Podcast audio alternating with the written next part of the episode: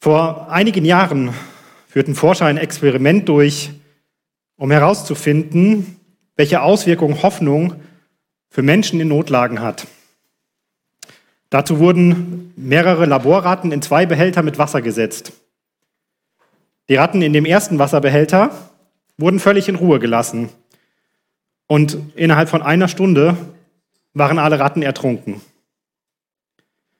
Die Ratten in dem zweiten Wasserbehälter wurden aber in regelmäßigen Abständen ganz kurz aus dem Wasser gehoben und dann wieder zurückgesetzt. Und es stellte sich heraus, dass diese Ratten über 24 Stunden schwimmen konnten. Warum war das so? Es war nicht, weil ihnen eine Pause gegeben wurde. Nein, diese Ratten hatten plötzlich Hoffnung. Diese Tiere hofften anscheinend irgendwie, dass wenn sie nur ein klein wenig länger über Wasser blieben, dass sie dann jemand herausnehmen und retten würde. Das ist schon beachtlich, oder nicht? Wenn Hoffnung schon eine solche Kraft in diesen Nagetieren hervorruft, die nicht mal in der Lage sind zu denken, wie viel größer ist der Effekt von Hoffnung dann wohl in unserem Leben? Und seien wir mal wirklich offen. Ohne Hoffnung macht das Leben doch überhaupt gar keinen Sinn. Ohne Hoffnung fehlt uns die Kraft weiterzugehen. Jeder von uns kennt garantiert die lähmende Wirkung von Hoffnungslosigkeit. Vielleicht fühlst du dich gerade gelähmt und hoffnungslos, weil du deine Arbeit verloren hast. Oder du bekommst keinen Ausbildungsplatz und weißt nicht, was du nach der Schule machen sollst. Vielleicht hast du auch eine Prüfung verhauen und jetzt bekommst du nicht mehr den Schnitt, den du vielleicht für deinen gewünschten Studienplatz brauchst. Oder vielleicht ist gerade eine Freundschaft kaputt gegangen oder in deiner Ehe kriselt es. Und es gab oder gibt vielleicht in deinem Leben noch eine viel größere Hoffnungslosigkeit, nämlich die, dass wir Sünder waren oder vielleicht sind und wir nicht vor einem heiligen Gott bestehen können. Das ist die größte Hoffnungslosigkeit, mein Lieben. Und ich könnte wahrscheinlich noch viele weitere Gründe aufzählen, die uns hoffnungslos werden lassen. Und am besten kommt dann in so einer Situation noch jemand daher und haut einem Bibelverse um die Ohren wie der, dass doch denen, die Gott lieben, alle Dinge zum Guten mitwirken. Und dann denken wir nur noch, ja danke, genau das habe ich gerade noch gebraucht. Liebe Geschwister, wisst ihr, ich glaube, dass wir selber schuld sind an unserer Hoffnungslosigkeit. Man könnte unsere Hoffnungslosigkeit mit einer Wahrnehmungsstörung vergleichen. Vielleicht so wie bei der Sonne und den Wolken. Die Sonne ist immer da, aber manchmal wird sie einfach durch Wolken verdeckt und dadurch können wir sie nicht wirklich wahrnehmen. Genauso ist für uns als entschiedene Christen auch die Hoffnung immer da. Denn, was haben wir gerade eben gesungen? Bleibend ist deine Treu. Gott ist treu. Er steht zu seinem Wort. Aber manchmal glaube ich, dass unsere Wahrnehmung dieser Hoffnung durch falsche Gedanken oder aber vor allem durch Sünde gestört ist. Und dann, genau dann stellt sich Hoffnungslosigkeit ein. Aber was können wir dagegen tun? In dem Psalm 130 finden wir eine Anleitung zur Überwindung von Hoffnungslosigkeit. Der Psalmist zeigt auf, dass Hoffnungslosigkeit in Notlagen nur durch persönliche Buße, geduldiges Warten auf Gottes Hilfe überwunden werden kann. Oder kurz gesagt, bete, bekenne und bewahre. Lasst uns den Text gemeinsam lesen. Psalm 130. Ein Wallfahrtslied. Aus der Tiefe rufe ich zu dir, o Jahwe. Herr, höre meine Stimme. Lass deine Ohren aufmerksam sein auf die Stimme meines Flehens. Wenn du, o Jahwe, Sünden anrechnest, Herr, wer kann bestehen? Aber bei dir ist die Vergebung, damit man dich fürchte. Ich harre auf Jahwe, meine Seele hart und ich hoffe auf sein Wort. Meine Seele hart auf den Herrn, mehr als die Wächter auf den Morgen, mehr als die Wächter auf den Morgen. Israel, hoffe auf Jahwe, Denn bei Jahwe ist die Gnade und bei ihm ist Erlösung in Fülle. Ja, er wird Israel erlösen von allen seinen Sünden. Der Psalm 130 gehört zu den sogenannten Wallfahrtsliedern, wie es in der Überschrift steht. Und jeder gesetzestreue Jude musste laut den Anweisungen Gottes in 2. Mose 23, Vers 17 und in 5. Mose 16, Vers 16 mindestens dreimal im Jahr zu den drei großen Festen nach Jerusalem reisen. Denn Jerusalem war eben der Ort, den Gott später in der Geschichte Israels für seine Anbetung erwählte. Es wird vermutet, dass auf dem Weg dorthin zur Einstimmung auf die Feste eben die sogenannten Wallfahrtslieder gesungen wurden. Die Psalmen 120 bis 134 stellen eine Sammlung einiger dieser Lieder dar. Und die Israeliten kannten diese Lieder also sehr gut. Und wahrscheinlich kannten sie sie sogar auch auswendig. Meine, wenn man sie dreimal im Jahr singt, dann ähm, kommt das schon irgendwann hin, dass man die auch auswendig kann. Und dadurch konnten sie sich aber auch zu anderen Zeiten an diese Lieder erinnern. Und mit dem Psalm 130 hatte das Volk Israel eben eine Anleitung zur Überwindung von Hoffnungslosigkeit. Aber warum brauchte das Volk eine solche Anleitung? Weil das Volk Israel sich selbst immer wieder in hoffnungslose Lagen gebracht hat. Nehmen wir nur das Beispiel der Wüstenwanderung. Eigentlich hätte das Volk 13 Tage nach dem Auszug aus Ägypten bereits das verheißene Land einnehmen können. 13 Tage. Doch es war ungehorsam und es glaubte Gott nicht und brachte sich damit in eine ziemlich hoffnungslose Situation. Sie mussten 40 Jahre durch die Wüste wandern. Eine ganze Generation starb aus. Und auch wir bringen uns durch sündhaftes Verhalten immer wieder in hoffnungslose Situationen. Und daher wollen wir uns anschauen, was eben der Psalmist zu der Anleitung zur Überwindung von Hoffnungslosigkeit sagt. Die Anleitung gliedert sich in vier Abschnitte, die man mit den folgenden Worten überschreiben kann. Bete, bekenne, bewahre und begeistere. Schauen wir uns an, was der Psalmist in den einzelnen Abschnitten schreibt und fangen wir mit dem ersten B an, mit dem Bete. Der Psalmist schreibt in den ersten beiden Versen, aus der Tiefe rufe ich Jahwe zu dir, Herr, höre meine Stimme. Lass deine Ohren aufmerksam sein auf die Stimme meines Flehens. Das Wort Tiefen ist das hebräische Wort Ma'am Akwiem und es wird an anderen Stellen mit Wassertiefen oder auch den Tiefen des Meeres übersetzt. Der Psalmist will hier also ausdrücken, dass er sich so fühlt, als ob er am Ertrinken ist. Er ist total am Boden, er ist hoffnungslos. Er nennt zwar nicht den genauen Grund für seine Hoffnungslosigkeit, aber er fühlt sich ohnmächtig und total überwältigt. Was macht er?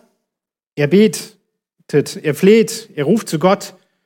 Und die doppelte Verwendung des Wortes Stimme im zweiten Vers deutet an, dass er eben nicht nur in Gedanken betet, sondern dass er wirklich ruft. Er fleht. In seiner tiefsten Verzweiflung betet er. Und zu wem betet er?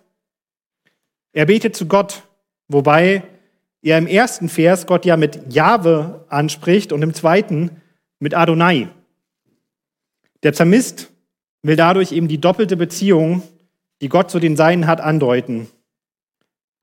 Zum einen hat Gott eine bundesmäßige Beziehung, daher der Name Jahwe, mit dem auch Gott sich selbst beispielsweise in 2. Mose 20, Vers 2 bezeichnet. Und zum Zweiten ist er für den Psalmisten aber auch Adonai, was zum Ausdruck bringen soll, dass er sein persönlicher Herr ist. In seiner Hoffnungslosigkeit ruft der Psalmist also zu seinem Herrn und zu seinem Gott. Und das ist auch genau das Richtige. Gott will, dass wir zu ihm kommen. Was sagt die Notrufnummer Gottes im Psalm 50, Vers 15, die sicher viele von uns als Kinder schon in der Sonntagsschule oder Kinderstunde auswendig gelernt haben? Steht auch vorne auf dem Gemeindeblatt und rufe mich an am Tag der Not, so will ich dich erretten und du sollst mich ehren. Und auch Jesus sagt in Matthäus 11, Vers 28, kommt her zu mir, alle, die ihr mühselig und beladen seid, so will ich euch erquicken. Ein Kommentator drückt es so aus, Zitat Anfang, egal wie alleingelassen und leer sich der Psalmist fühlt, er weiß, dass Gott nicht weit entfernt ist, da er seine Gnade und Vergebung in der Vergangenheit schon erfahren hat. Zitat Ende. Gott ist nur ein Gebet von uns entfernt. Wir dürfen jederzeit zu ihm kommen. Gott hat keine bestimmten Sprechzeiten. Er ist immer und jederzeit erreichbar. Das allein kann uns wieder einen Funken Hoffnung geben. Gott ist da. Er wartet auf uns und er hört uns. Es ist noch nicht lange her, da hat Dieter uns hier Markus 14 gepredigt. Was hat Jesus in der schwersten Stunde seines Lebens getan? In Markus 14, Vers 35a heißt es, und er ging ein wenig weiter, warf sich auf die Erde und betete. Jesus hat gesagt, meine Seele ist betrübt bis zum Tod. Und was macht er? Er geht hin und er betet. Er flieht zu seinem Vater. Darum, wenn du hoffnungslos bist, dann bete.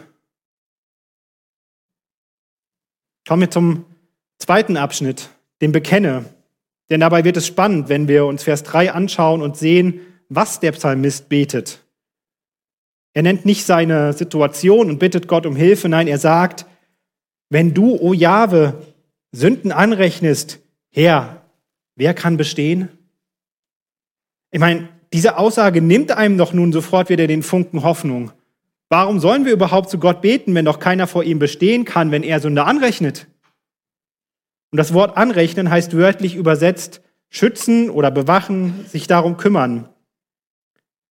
Der Psalmist will zum Ausdruck bringen, dass kein Mensch vor Gott bestehen kann, wenn dieser sich wirklich genau um unsere Sünden kümmert und genau auf unsere Sünden achtet.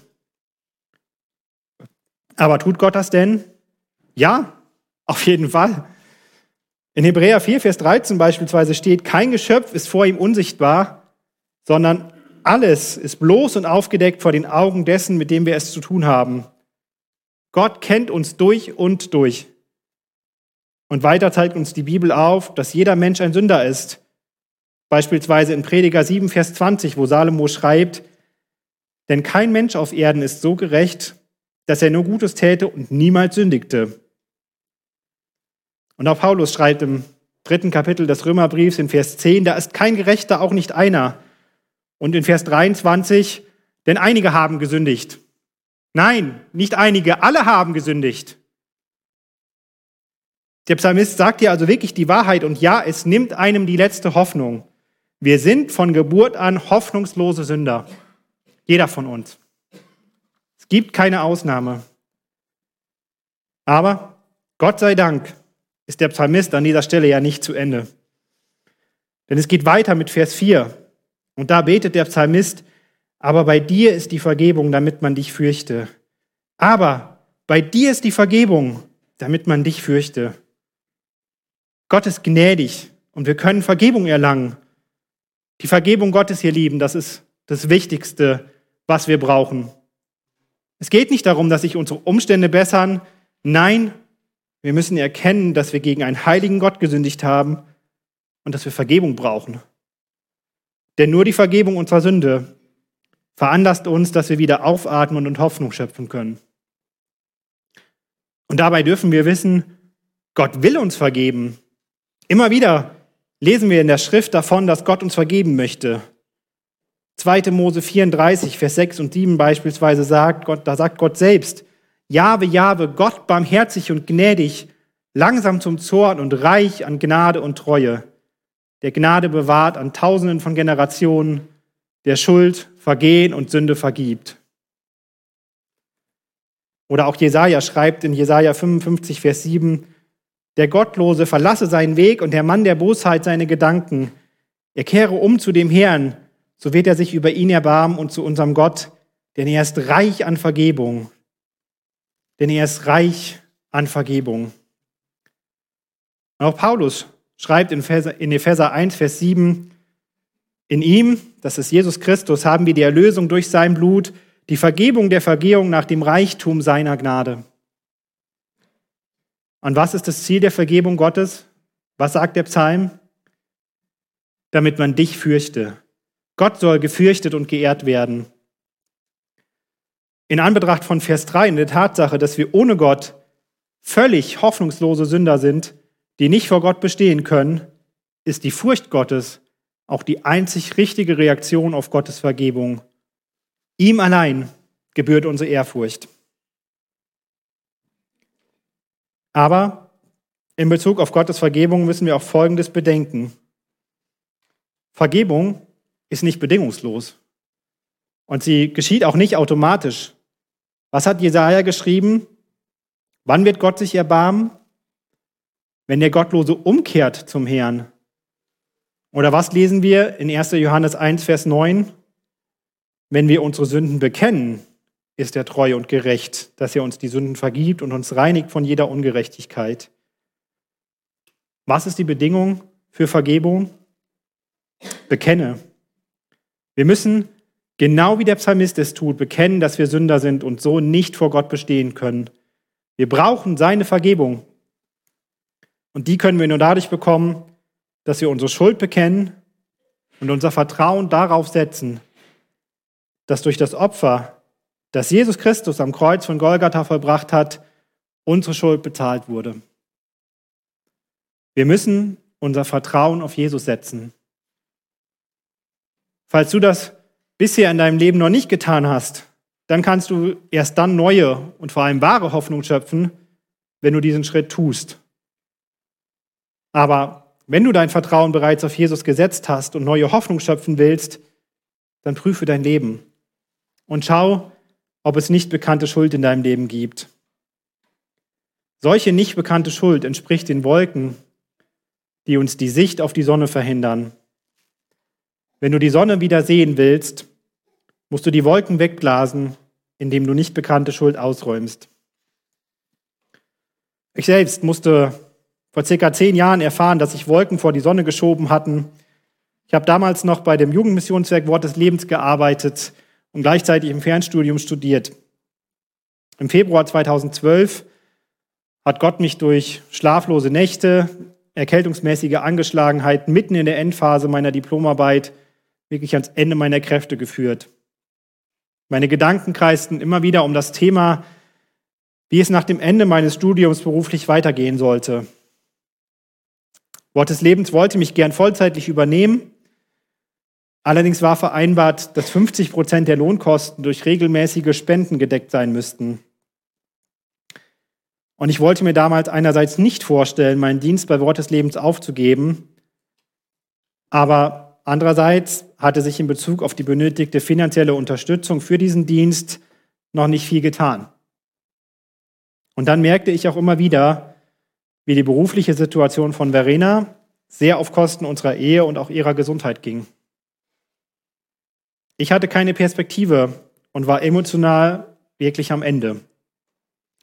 Irgendwas in mir hat mich sogar daran gehindert zu beten. Eines Nachts machte mir Gott dann aber deutlich, dass ich als Ehemann die Verantwortung für die finanzielle Versorgung meiner Familie habe und ich die nicht einfach auf Verena abwälzen darf. Selbst nicht, wenn ich dafür im Dienst bleiben könnte, bei Wort des Lebens, aber es wäre nicht der richtige Dienst.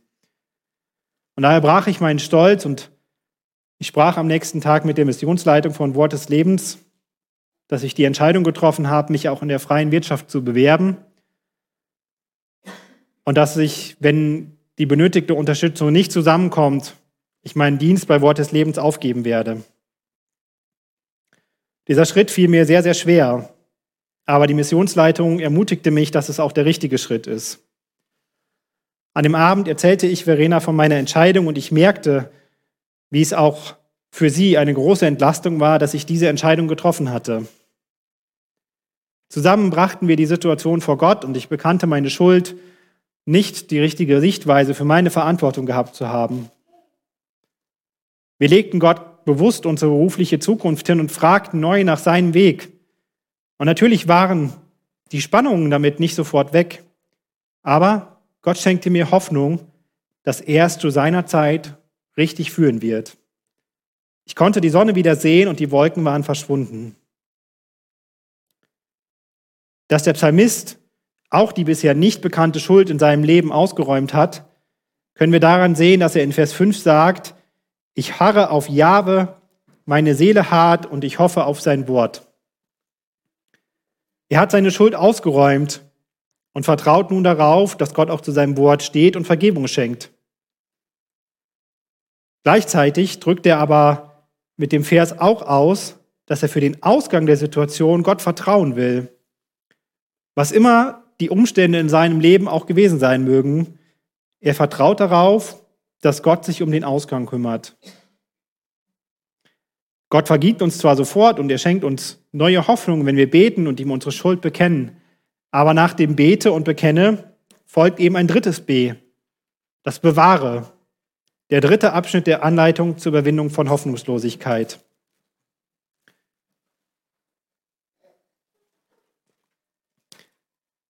Denn wir sind aufgefordert, die Hoffnung auf die Hilfe Gottes zu bewahren. Es kann sein, dass es etwas dauert, bis Gott eingreift.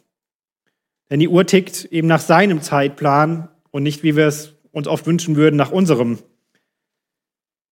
Außerdem kann es auch sein, dass Sünde natürliche, länger andauernde Konsequenzen mit sich bringt, die es zu ertragen gilt. Auch wenn Gott uns sofort vergibt, heißt das dennoch nicht, dass sich unsere Umstände auch sofort ändern. Wenn ein verheirateter Mann beispielsweise untreu ist und Ehebruch begeht, indem er mit einer anderen Frau schläft, so kann es sein, dass aus dieser Untreue ein Kind entsteht. Natürlich kann der Mann Vergebung erfahren, aber verschwindet daher das Kind? Nein, das Kind wird trotzdem aufwachsen. Und der Mann muss mit den Konsequenzen seines Ehebruchs leben. Aber wenn er seine Schuld bekannt hat, darf er darauf hoffen, dass Gott ihm auch hilft, die Konsequenzen zu tragen. Und daher sind wir aufgefordert, geduldig auf das Eingreifen Gottes zu warten und an seinen Zusagen festzuhalten. Die dreifache Aussage, die der Psalmist hier mit Ich harre, meine Seele hart und ich hoffe macht, bekräftigt eben das Schlüsselkonzept des Psalms noch einmal, die Hoffnung auf den Herrn.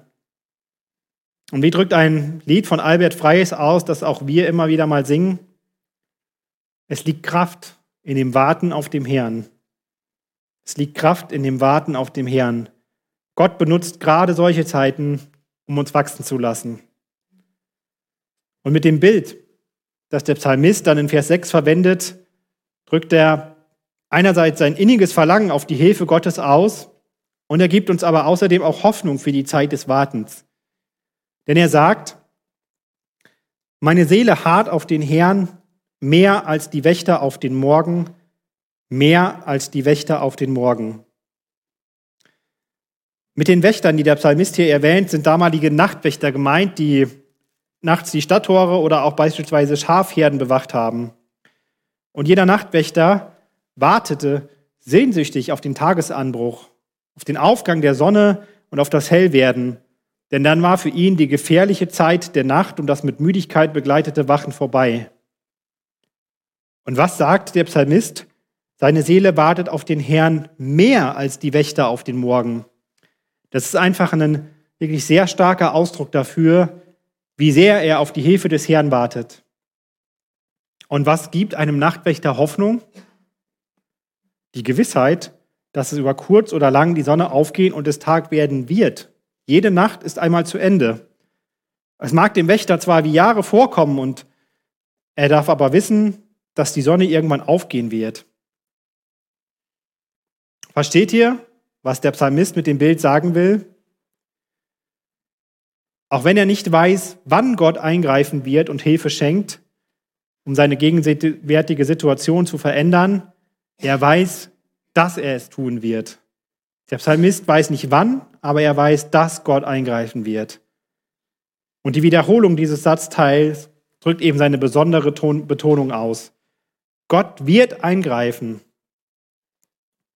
Aber wir müssen die Hoffnung auf Gottes Eingreifen bewahren. So wie uns David beispielsweise auch in Psalm 27, Vers 14 auffordert, harre auf Jahwe, sei stark und dein Herz fasse Mut und harre auf Jahwe. Auch bezüglich meiner beruflichen Zukunft war im Februar 2012 nicht sofort klar, wie es weitergehen sollte. Aber meine Aufgabe damals nachdem ich meine Sünde bekannt hatte, war auch nur, die Hoffnung auf die Hilfe Gottes zu bewahren. Und Gott hat eingegriffen und er hat gehandelt. Er hat mir eine gute Arbeitsstelle in Berlin geschenkt.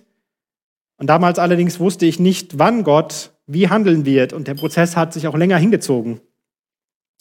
Aber auf einmal klingelte mein Handy. Ich hatte ein Vorstellungsgespräch und durfte eine Woche später meinen Arbeitsvertrag unterschreiben. Gott hat gehandelt. Was hat uns die Anleitung zur Überwindung von Hoffnungslosigkeit bisher gesagt, was wir tun müssen?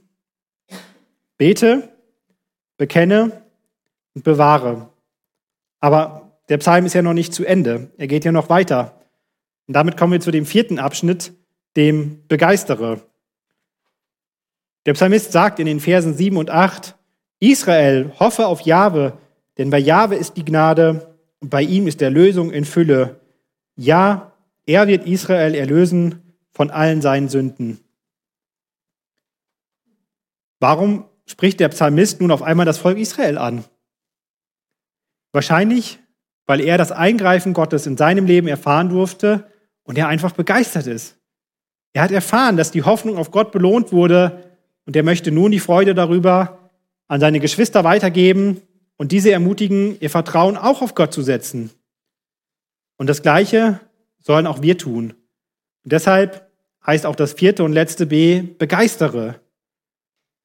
Aber warum brauchte das Volk Israel die Ermutigung, ihr Vertrauen auf Gottes Hilfe zu setzen? Ich habe es am Anfang schon gesagt, das Volk Israel hat sich immer wieder von Gott abgewandt und dadurch in Schwierigkeiten gebracht. Das Buch der Richter ist ein sehr, sehr gutes Beispiel dafür. Immer wieder war das Volk Israel ungehorsam. Dann wurde es von seinen Feinden überwältigt und unterdrückt. In ihrer Not schrien sie zu Gott, der sie erhörte und befreite. Aber schon eine kurze Zeit später war das Volk wieder ungehorsam. Insgesamt findet man im Buch der Richter sieben Zyklen von dieser Befehlsverweigerung, Besetzung, Buße und Befreiung. Und bis zum heutigen Tag ist es so, dass Israel Erlösung braucht, denn Gottes Verheißung ist noch nicht vollständig. Sie ist nicht 100% erfüllt. Denn Israel hat Jesus Christus noch nicht als seinen Messias anerkannt. Das Wort, was der Psalmist hier für Erlösung verwendet, ist ein Begriff aus dem Handel und bedeutet so viel wie ein Lösegeld bezahlen. Und wer hat das Lösegeld für den Überrest und das zukünftige Israel bezahlt? Jesus Christus. Die berufenen Israeliten nahmen diese Bezahlung an, ganz so wie das endzeitliche Israel es auch komplett annehmen wird. Aber das Lösegeld wurde ja nicht nur für Israel bezahlt. Jesus Christus bezahlte das Lösegeld auch für dich und für mich, für seine Kinder. Weiterhin sagt der Psalmist ja auch noch viel Erlösung, denn Gottes Gnade ist so facettenreich. Immer wieder dürfen wir seine Gnade in vielfältiger Art und Weise erleben.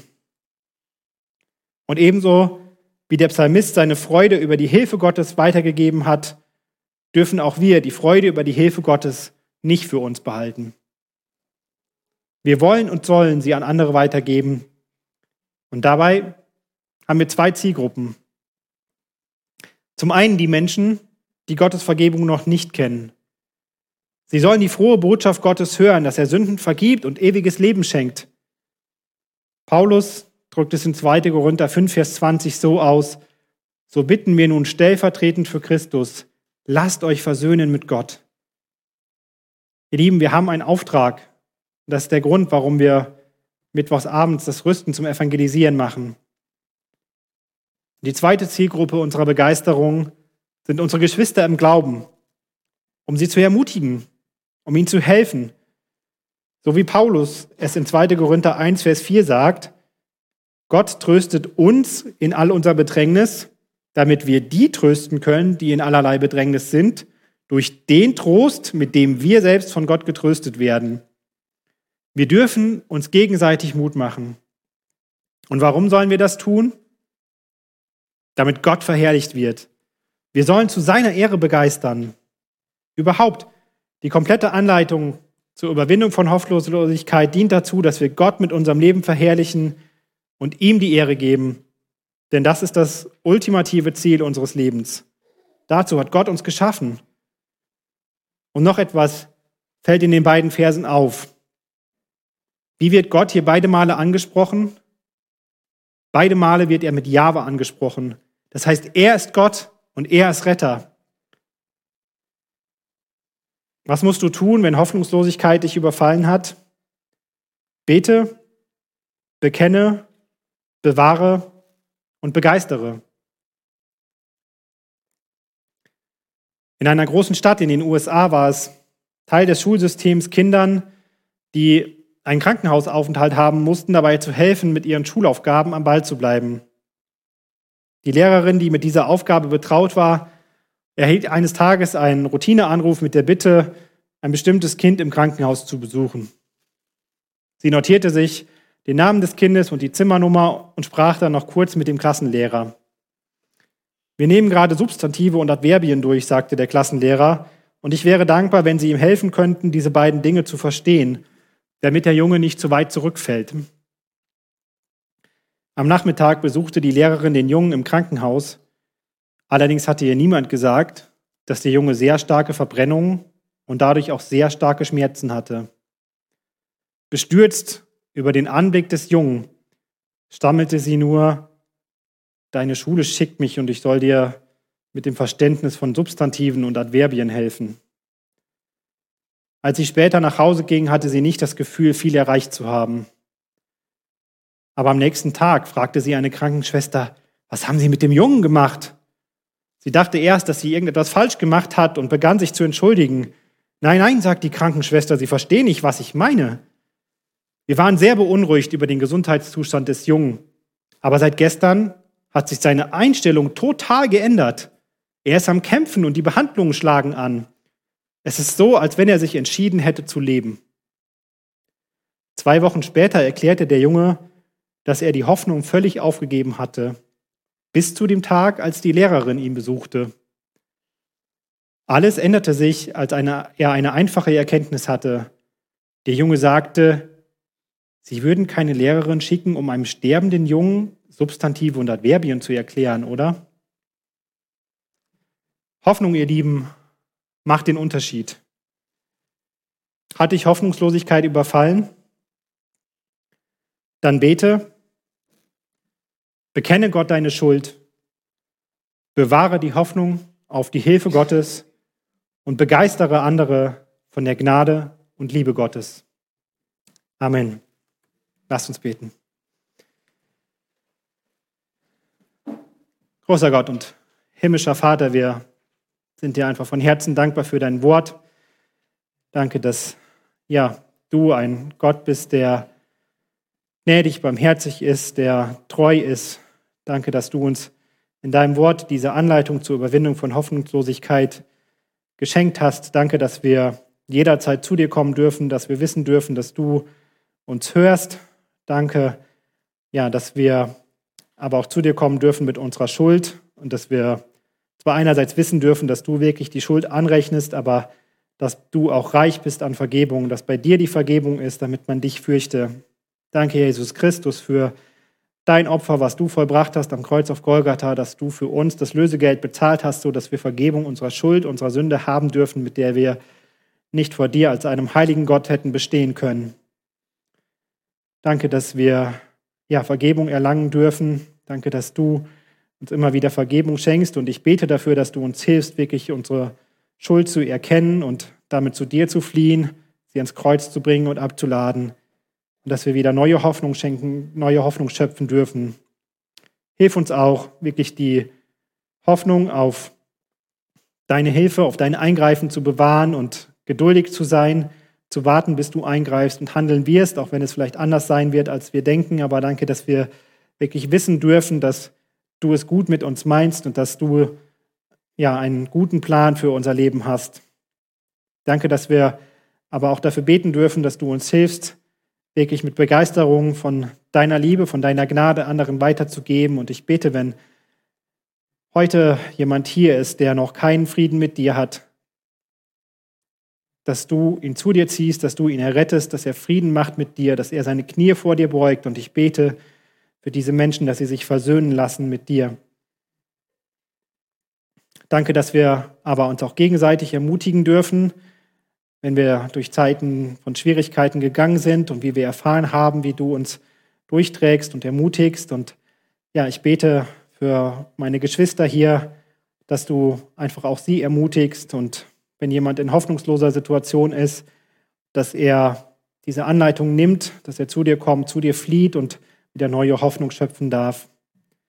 Danke auch für das Mahl des Herrn, was wir jetzt feiern dürfen, dass wir ja wirklich dir den Dank ausdrücken dürfen, Jesus Christus, für dein Opfer, was du vollbracht hast und sei auch das zu deiner Ehre. Amen.